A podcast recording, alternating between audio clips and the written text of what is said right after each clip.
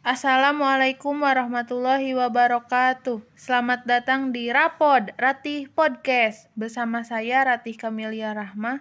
Kali ini saya tidak sendirian. Saya ditemani oleh seseorang yang sangat menginspirasi dan memiliki banyak prestasi, yaitu Usep Rudiansyah Nugraha. Halo Kak. Hai. Beliau adalah seorang anak tunanetra yang memiliki banyak prestasi. Maka dari itu, saya menjadikan beliau sebagai narasumber dalam podcast kali ini. Apa kabar, Kak? Baik. Eh, kesibukan Kakak saat ini apa sih? Ya, kalau pagi sampai siang, alhamdulillah saya mengajar di salah satu SLB yang ada di Majalengka. Ya, kalau siang sampai sore, kadang-kadang sampai malam, ya buka usaha kecil-kecilan lah. Seperti toko elektronik gitu. Ada konternya di sana itu konter servis. Terus ada ya masih banyak ah, masih ada lagi gitu. Maksudnya ya sampai pagi sampai malam tuh ya gitu terus gitu. Wah, banyak ya kegiatan Kakak sehari-hari. iya lumayan. Em, hobi Kakak saat ini apa sih? Hobi saya bukan saat ini ya dari dulu juga hobi saya ya di bidang otomotif ya bongkar-bongkar motor atau eh, bantu-bantu orang tua. Bapak saya kan eh, apa namanya eh, punya mobil gitu ya suka bantu-bantu dari dulunya. Jadi sering bantu-bantu jadi timbulnya hobi. Ya hobi saya di otomotif dan elektronik gitu. Kalau elektroniknya saya di bidang handphone gitu Wow. Eh, kan Kakak seorang yang berprestasi ya.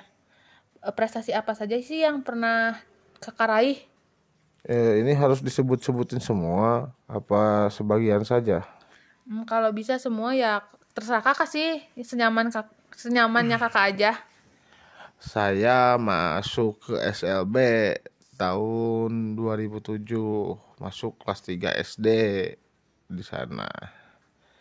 2008 kelas 4 SD itu saya mulai ikut lomba yang bertempat di Kuningan. Lombanya MIPA, matematika IPA gitu. Eh, di Kuningan itu saya eh, mendapat juara harapan satu udah di bidang MIPA terus 2010 saya berangkat lagi. Ikut lomba mm, olimpiade matematika juga. Di Cirebon. Tingkat provinsi dan alhamdulillah eh, dapat juara tiga. Terus 2016 saya berangkat lagi ke Bandung ikut lomba catur SMA LB tingkat provinsi. Dan alhamdulillah dapat juara dua begitu. Wah berarti kakak itu pernah mengikuti lomba catur dan matematika ya? Iya betul sekali. Lantas siapa yang menjadi motivasi kakak untuk meraih prestasi ini? Eh, motivasi saya ya banyak lah teman-teman senior senior saya itu di SLB yang mereka dengan keterbatasannya bisa itu berprestasi biasa berkreativitas gitu. Eh, siapa yang membimbing kakak eh, dalam hal belajar dari awal sampai berprestasi? Yang membimbing saya eh, peran utama kan pasti orang tua ya terus dibantu-bantu sama guru di sekolah. Guru di sekolah yang membimbing saya bisa jadi seperti ini. Satu oh, Pak Ade Hidayat. Dua Pak Ewat Supriyatna. Tiga Pak Agus Cecep Supriyatna. Eh, ketiga orang itu yang membina saya dari masuk SLB sampai dengan sekarang. Wah, banyak ya, Kak. Eh, tip dan trik khusus agar bisa menjadi siswa berprestasi di tengah keterbatasan Kakak. ya kita jangan malas harus eh, terus belajar dan mencoba walaupun gagal terus mencoba terus mencoba dan mencoba pasti eh, akan eh, apa namanya eh, berhasil gitu Berarti intinya kita harus tetap bersemangat. iya betul sekali Apakah ada kesulitan yang dialami oleh kakak saat eh, melakukan pembelajaran? ya banyak. Kalau kesulitan mah eh, dikatakan sulit ya sulit. Soalnya kan eh, saya punya keterbatasan di penglihatan. Ya nah eh, waktu pembelajaran kan ada sebagian mata pelajaran atau sebagian eh, soal yang bentuknya itu visual gambar gitu.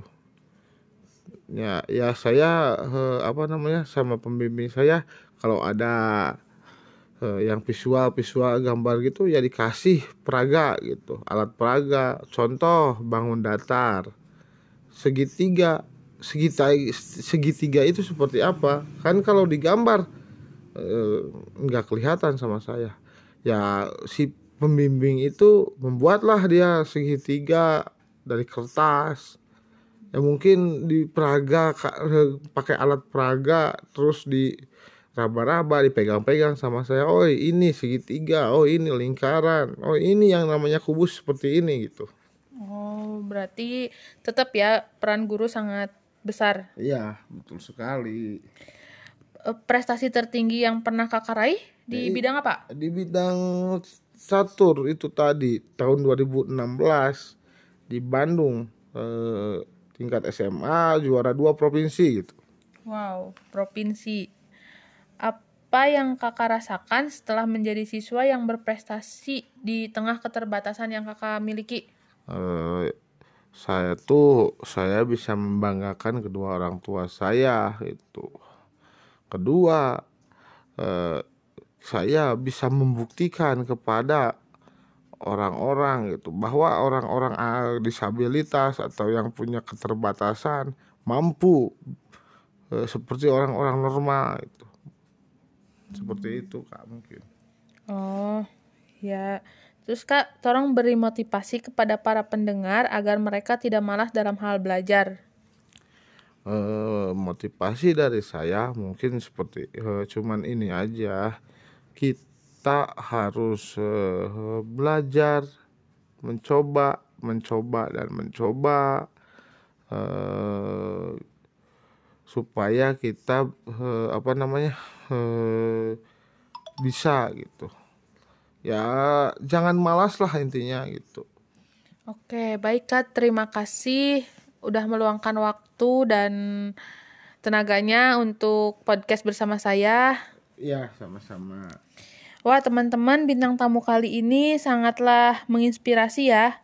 Jadi, untuk para pendengar semua, teruslah semangat dalam belajar. Karena dengan belajar kita dapat menggapai semua cita-cita yang kita impikan selama ini. Eh, terima kasih saya ucapkan kepada semua pendengar yang sudah mendengarkan podcast ini. Saya Ratih Kamilia Rahmah, pamit undur diri. Wassalamualaikum warahmatullahi wabarakatuh.